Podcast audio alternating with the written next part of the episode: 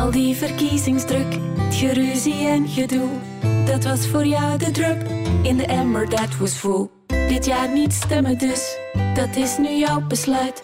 Voelt veiliger dan Brussel-Zuid. Maar niet kiezen is verliezen. Zorg voor een kompas, geef mee tegen gas en kies met de standaard. Sterk je stem met inzicht en krijg een heldere blik op de verkiezingen. Lees de standaard een heel jaar lang voor de helft van de prijs. Via standaard.be/slash actie. Het is 29 februari. Dit is vandaag de dagelijkse podcast van de Standaard. Ik ben Yves de Lepelaire. De man die zondag in Gent twee wielertoeristen van de weg maaide, had bijna 3 promille alcohol in het bloed. Hij was nogthans al een paar keer veroordeeld voor rijden onder invloed. Maar volgens zijn omgeving kon hij niet van de drang blijven. Hoe alcohol levens overhoop kan halen, weten ze bij de anonieme alcoholisten maar al te goed. Wij kregen uitzonderlijk toegang tot een AA-meeting. Hoe gaat het daar aan toe? En is een alcoholverslaving voor het leven?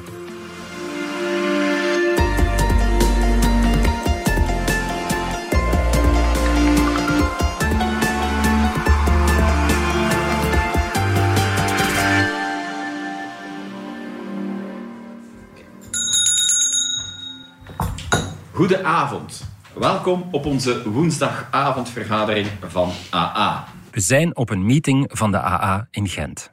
Goed, we gaan beginnen met de rondvraag. Het is bijna zeven uur en Stijn opent de vergadering. Goedenavond, Tien. Hoe was uw week? Goedenavond, Sherman en vrienden. Ik ben Dien, alcoholist. Dien is al 40 jaar nuchter. Het wordt dikwijls gezegd dat mensen naar de Haag gaan voor, eh, voor nuchter te worden. En in theorie is dat zo. Maar ik ben vooral naar hier gekomen voor niet dood te gaan. Want dat was zeer erg bij mij. Ik, als ik hier toe kwam, had ik al maanden niet meer gegeten. En eh, ik ga de minder appetijtelijke dingen niet bij vertellen, maar het is, het is een vergif. Het is een, van, het is een harddrug. Hè? Iedereen denkt dan aan uh, heroïne, cocaïne en zo. Dan uh, moet alcohol niet vergeten. Claudine zit al 25 jaar bij de AA. Ze was 33 toen ze erbij kwam. Ik ben Claudine, like dat Claudine is. Maar ik ben ook Claudine, die drinkt. En dat is een heel anders persoon. En de Dine heeft veel brokken gedaan. Enorm veel brokken. Eh, ik weet het. Wat dat dat eerste was. De eerste druppel doet met mij. Ik weet dat. Dus dan dat ik naar hier kom na een week. Om die balans op een lijn te kunnen houden. Anja komt iets meer dan een jaar naar de AA-meeting. Ja, goedenavond iedereen. Uh, Anja Alpoliste. Ik heb uh, twee goede weken achter de rug. Ze heeft lang in de horeca gewerkt. En dus ja, dan kent het verhaal. Hè. Het is algemeen geweten dat mensen die in de horeca werken uh, regelmatig een glaasje drinken tijdens en na het werk. Ja, op een duur hebben dat zodanig nodig om een beetje gewoon te kunnen functioneren en op je plooi te zijn, noemde ik dat. Dat inderdaad al door een driekwart fles nodig hebt om, om ja, poeh, rustig te zijn weer. Dat is echt erg. Lange tijd dacht ze dat ze haar alcoholprobleem de baas kon blijven. En ik zou zijn dat dat toch een, ja, dat de laatste vijf jaar toch eigenlijk wel erg waren. Ja, twee, drie flessen vodka op een dag, dat is niet niets. Hè. Ik heb lang gedacht dat ik, dat ik dat wel zelf ging kunnen aanpakken en dat ik, ik ben sterker dan dat en het gaat er mij niet onder krijgen. En dan het plan was dan, ik ga drinken bij gelegenheden. En niet uh, alle dagen, gewoon bij gelegenheden. Een verjaardag, en een keer een, een nieuwe kerstdag, zo die daar dan. Maar dat is ook een illusie. Uiteindelijk zocht en vond ze hulp bij de AA. Die mensen hebben mij echt ja, klaar en duidelijk voorgeschoteld wat dat de mogelijkheden zijn als ik stop en wat als ik blijf verder drinken en hoe dat leven dan er gaat uitzien. En ja, het zag er al een beetje rampzalig uit. En allee, eigenlijk wat voor een miserig leventje dat ik wel niet leidde. En Ze heeft veel gehad aan hun steun, zegt Anja. het zijn mensen die ook al heel lang gestopt zijn met drinken, zitten daar veel mee. En die komen elke week trouw naar de vergadering. Eh, zijn er om nieuwelingen op te vangen, ook om elkaar te steunen. En ja, moet we zijn, ik heb, eh, ik heb daar heel veel aan gehad aan die mensen. Maar er zijn ook harde woorden gevallen. Er zijn er toch een aantal mensen die heel raak gesproken hebben en die, waarvan ik echt verschoten was. Maar die harde woorden hebben echt wel het meeste effect gehad ook. Stilaan gaat het voor Anja de goede kant op. Het is fenomenaal hoe dat, de steun van die mensen daar. Hè. En ook de ervaringen, hè, hoe dat zij met die dingen dan zijn omgegaan, zijn echt... Uh, ja, daar kun je echt wel iets mee doen in het dagelijks leven. Het helpt niet alleen tegen alcoholverslaving, maar ook het sterkt u. En uh, ook in het dagelijkse leven, verstaat het? Ik begin je beter te voelen, ik krijg meer zelfvertrouwen. En een klaarder kijk op de dingen. Ja, het is de beste stap geweest die ik in mijn leven heb kunnen zetten. Echt waar hoor. Ja, ondertussen ben ik... Ik zal niet zeggen dat ik volledig nuchter content ben, maar naarmate dat de maanden voorbij gaan, ja, ben ik echt wel een beetje fier op mezelf. Echt waar. Marten Sales van onze podcastredactie. Jij was op de vergadering van de AA, waaruit we zo net een paar fragmentjes hoorden. Dat is uitzonderlijk, hè? heb ik begrepen, dat iemand toegang krijgt tot zo'n meeting? Ja, dat klopt. Normaal laten ze daar geen buitenstaanders toe, omdat ze wel echt staan op hun anonimiteit. Maar voor één keer ja, hebben ze dus een uitzondering gemaakt, hebben ze mij toegelaten, iemand die wel nog drinkt. Ik had ook opnameapparatuur bij, dat was ook allemaal geen probleem. Dus iedereen wist dat jij journalist was en was ermee akkoord, hè? Dat Klopt. je opnames maakte. Iedereen heeft ook toestemming gegeven. De mensen die ik heb gesproken en die dat weer hebben gehoord, vonden dat ook geen probleem. Ik ben altijd ook wel wat gefascineerd geweest door mensen met een alcoholprobleem of mensen met een alcoholverslaving. Ik denk dat er daar nog redelijk wat vooroordelen over bestaan, stereotypen. Dat daar redelijk ja, marginalere mensen zouden zijn Ja. of mensen aan de rand van de maatschappij. Dat dat mensen zijn die met een fles in de goot liggen, bij wijze van spreken. Mensen met een rode neus. Maar ja, ik heb het nu zelf gezien. Ik ben er zelf een paar keer geweest. En ja, dat zijn gewone mensen. Dat zijn Ja. mannen, vrouwen. Ja, er is daar eigenlijk niets vreemd aan te zien of zo. Ja. De AA is een zelfhulpgroep van alcoholisten die wekelijks bij elkaar komen. Hoe gaat het daar aan toe tijdens zo'n meeting? Ja, klopt. Dus die komen een paar keer samen. Die een lokale, allee, de lokale waar dat ik heb mogen opnemen, dat ligt eigenlijk in een doorsnee woonwijk. Ja. Op het einde van een doodlopende straat. Het is ook een gewone gevel, een rijhuis. Het is ook niet dat er een bordje hangt of zo Nee. natuurlijk. Maar binnen vinden dus wel degelijk die AA-meetings plaats. Soms zelfs dagelijks. Ook in het weekend, 7 op 7. Dus je kan daar elke dag terecht. En die sfeer die is daar eigenlijk wel vrij gemoedelijk. Het is niet serieus, niet neerslachtig, niet depressief. En ik werd eigenlijk meteen warm onthaald. Ik kreeg een plek aan de tafel, een grote tafel, die bijna te groot was voor de ruimte waar dat ze in stond. Het zaten daar 15 à 20 mensen. En voor mij lagen er folders op tafel, mappen met literatuur, ook een bordje, echt verschillende bordjes met daarop. Wie je hier ziet, wat je hier hoort. Als je hier weggaat, vertel het niet voort. Ja, maar dat gaan we nu wel een beetje doen, want je hebt de toestemming gekregen. Vertel eens, wat is jou bijgebleven? Wel, dat dat eigenlijk, eh, zoals ik daarnet al zei, ja, dat zijn mensen zoals jij en ik. De jongste, toen ik er was, was 20. De oudste, 75. Mannen, vrouwen, door elkaar. Ik voelde mij daar meteen thuis. Maar je weet van niemand zijn of haar beroep, waar dat hij woont, hoeveel kinderen dat hij al dan niet heeft, hun hobby's, wat dat hij doen buiten de AA-meeting. En het belangrijkste, ja, een achternaam houden die ook wel voor zich, uiteraard. Ja, ja, dus dat zeggen ze ook niet onderling tegen elkaar. Nee, klopt. Ja. Wat ze van elkaar weten is echt gewoon de voornaam Ah, ja. en hoe dat hun week zonder de AA is verlopen. ja, die mensen zijn verslaafd, geen professionals. Hè. Ze praten met elkaar over hun verslaving, maar hoe voeren ze die gesprekken? Op basis van welke criteria? Ja, dus iedereen wordt afzonderlijk aan het woord gelaten. En een leidraad daarbij is het 12-stappenplan, of 12-stappen-programma. Ik heb het hierbij. Elke week behandelen ze één stap uit heel die reeks. En dat gaat eigenlijk van het beseffen dat je een alcoholprobleem hebt, je geschiedenis, wat dat je allemaal hebt meegemaakt toen dat je nog drankverslaafd was, welke schade dat je hebt berokkend. Daarna gaat dat meer naar het erkennen tot eigenlijk het aanvaarden van oké, het is niet meer voor mij weggelegd in Ja, leven tot ze alcohol. klaar zijn om daarmee om te gaan. Klopt. gewapend Ja. zijn om daarmee om dus, te gaan. Ja, klopt. En dat zijn dus twaalf stappen. Elke week wordt er één stap behandeld. Toen ik er was, was het stap vijf. Wat is stap 5? Stap 5 gaat echt over er vrede mee nemen wat je allemaal hebt gedaan als alcoholist. Dus, De ehm, fouten die je hebt De gemaakt. fouten die je ja. hebt begaan. En eigenlijk ja, willen ze echt naar die nuchterheid streven. Zowel fysiek, dus het echt gewoon Mhm. niet meer in je lichaam hebben van alcohol, als mentaal.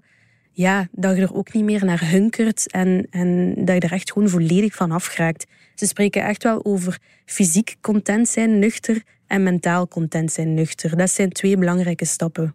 Hoe groot is de AA eigenlijk in Vlaanderen? Wel, ik heb ehm, het aan de AA zelf gevraagd. In Vlaanderen zijn er zo'n 324 verenigingen. Een ledenlijst houden ze niet echt bij, dus een exact ledenaantal konden ze mij niet geven. Maar meestal bestaat één AA-groep uit een tiental, vijftiental mensen.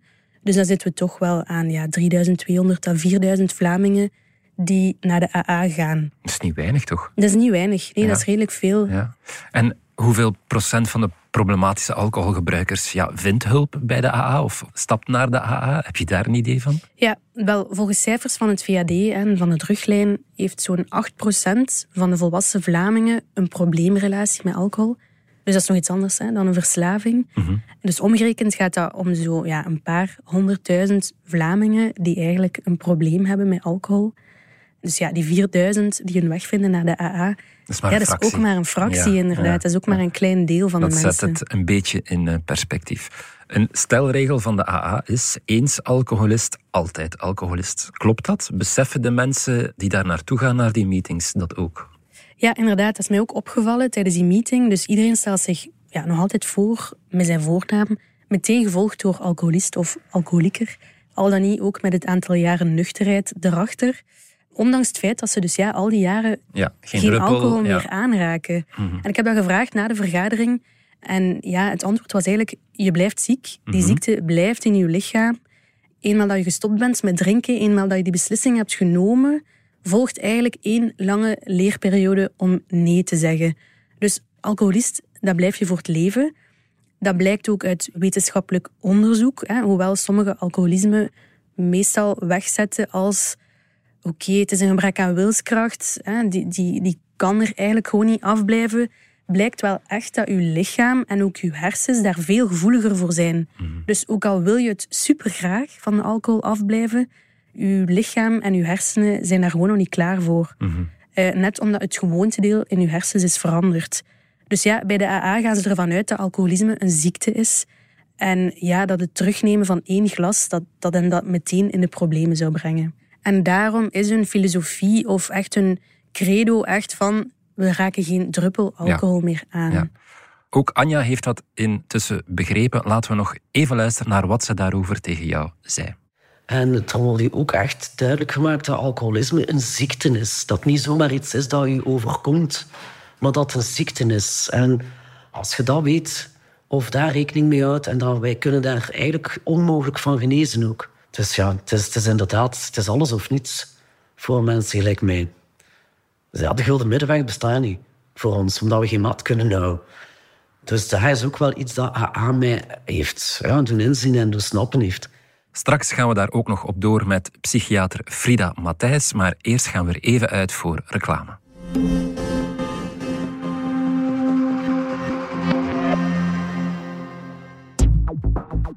Vind het echt fantastisch. Het gaat een grote meerwaarde zijn voor Antwerpen, waar dat volgens mij wel heel veel steden in Vlaanderen jaloers op gaan zijn. Wij hebben al van iemand gehoord die zei: ja, vroeger kon ik niet goed slapen door het geluid van de snelweg en vandaag de dag heb ik moeite om te slapen van de kikkers. Als het om de Antwerpse mobiliteit gaat, zit ik met meer vragen dan antwoorden. Maar daar komt verandering in. Want ik, Kat Luiten, verdiep me in het Antwerpen van morgen. Luister naar De Grote Ontknoping, een podcast van Landis, nu in je favoriete podcast-app.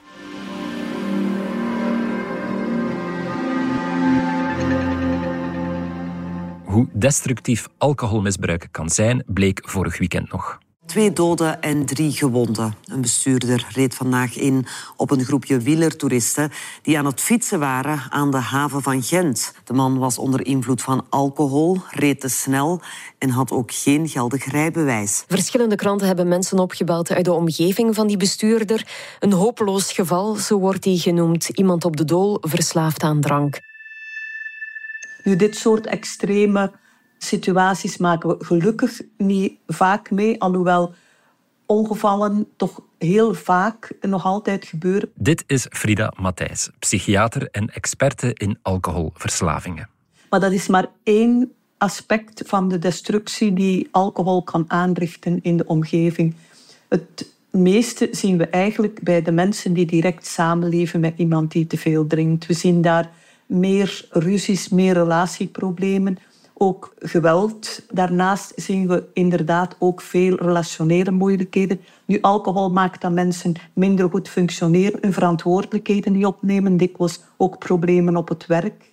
En vooral eigenlijk voor de partner en ook voor de kinderen uiteraard. Iemand die een alcoholprobleem heeft, uh, ja, daar is het opvoedingsklimaat helemaal niet veilig, niet stabiel, niet voorspelbaar. Allemaal factoren die, die belangrijk zijn voor een kind om uh, goed te kunnen ontwikkelen. Matthijs begeleidt patiënten die ook lid zijn van de AA. Ze ziet er de meerwaarde van in. De meerwaarde is dat het een andere aanpak is dan de behandeling door professionals. Dat het, het is een zelfhulpgroep. Het zijn dus mensen met dezelfde problemen. De herkenning en erkenning van de problematiek is zeer steunend voor mensen, helpt hen ook. Soms voelen ze zich ook vrijer om over een probleem te spreken, omdat die andere mensen hetzelfde probleem hebben, voelen ze zich beter uh, aanvaard. Ze zijn zeer tolerant tegenover elkaar, durven elkaar erop aanspreken, maar verwerpen elkaar niet of verwijten niet. En dat is eigenlijk een heel goede sfeer om mensen de kans te geven om zich te herpakken. De AA kan verslaafden ook uit hun isolement halen, omdat ze vaak geen mensen meer rond zich hebben. Veel mensen hebben dat wel met een beginnende problematiek, maar mensen die al een langdurig alcoholprobleem hebben, zijn vaak heel wat kwijtgeraakt. Uh, collega's hun werk kwijt, collega's relatie, gezin, zijn vaak nogal geïsoleerd. En dan is dat extra belangrijk om een andere mensen te hebben waar je kan op steunen. En ik zie dat dat bij AA vaak heel goed werkt. Eén keer per maand naar de psychiater of psycholoog gaan is ook heel weinig, erkent Matthijs. Soms moet je bijna dagelijks kunnen iemand spreken. En dan is AA wel nuttig. Er zijn trouwens mensen die meerdere keren per week naar een AA-vergadering gaan. Ik heb er zo'n aantal die naar verschillende groepen, want elke groep heeft zo zijn vaste dag in de week dat die samenkomt. En ik heb patiënten die naar meerdere groepen gaan om toch bijna elke avond ergens uh, terecht te kunnen. Samen koffie te drinken en te babbelen over de problematiek. Maar Matthijs ziet ook drempels. Wat ik soms een drempel vind, is... Ja, mensen zijn meer dan hun alcoholprobleem. zijn soorten mensen, soorten persoonlijkheden. Um, en je hebt niet met iedereen affiniteit. En ik heb al eens aan patiënten moeten zeggen... probeer eens een andere groep. Als je je daar niet in thuis voelt... Uh, in sommige groepen zie je dat er bijvoorbeeld iemand is die dat al heel lang komt, die daar een beetje als zijn of haar groep, maar meestal zijn groep beschouwt en die nogal dominant is en dat dat voor anderen minder aangenaam is. Dat heeft niks met die alcohol te maken, dat zijn gewoon soorten persoonlijkheden en je moet je daar wel een beetje in thuis voelen. AA-meetings kunnen ook best verslavend zijn. Dat mensen van de ene verslaving op de andere overstappen, kennen we in het algemeen. Maar eh, we zien iets gelijkaardig dat mensen dat de AA eigenlijk het centrale punt in hun leven wordt en dat dat het enige is wat nog belangrijk is en dat er iets bijna fanatiek in komt over die principes, daar gaat het allemaal om. Ze kunnen niet meer breder kijken dan dat.